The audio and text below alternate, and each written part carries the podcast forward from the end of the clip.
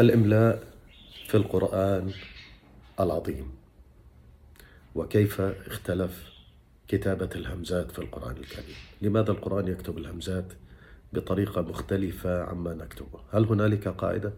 هل تعلمنا كتابة الهمزات بطريقة خاطئة؟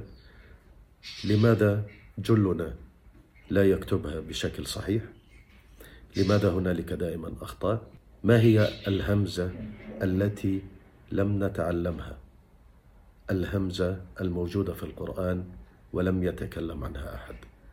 تابعنا على ال social media. تويتر يوتيوب إنستغرام تيك توك لسان العرب ولهجاتهم. في انتظاركم.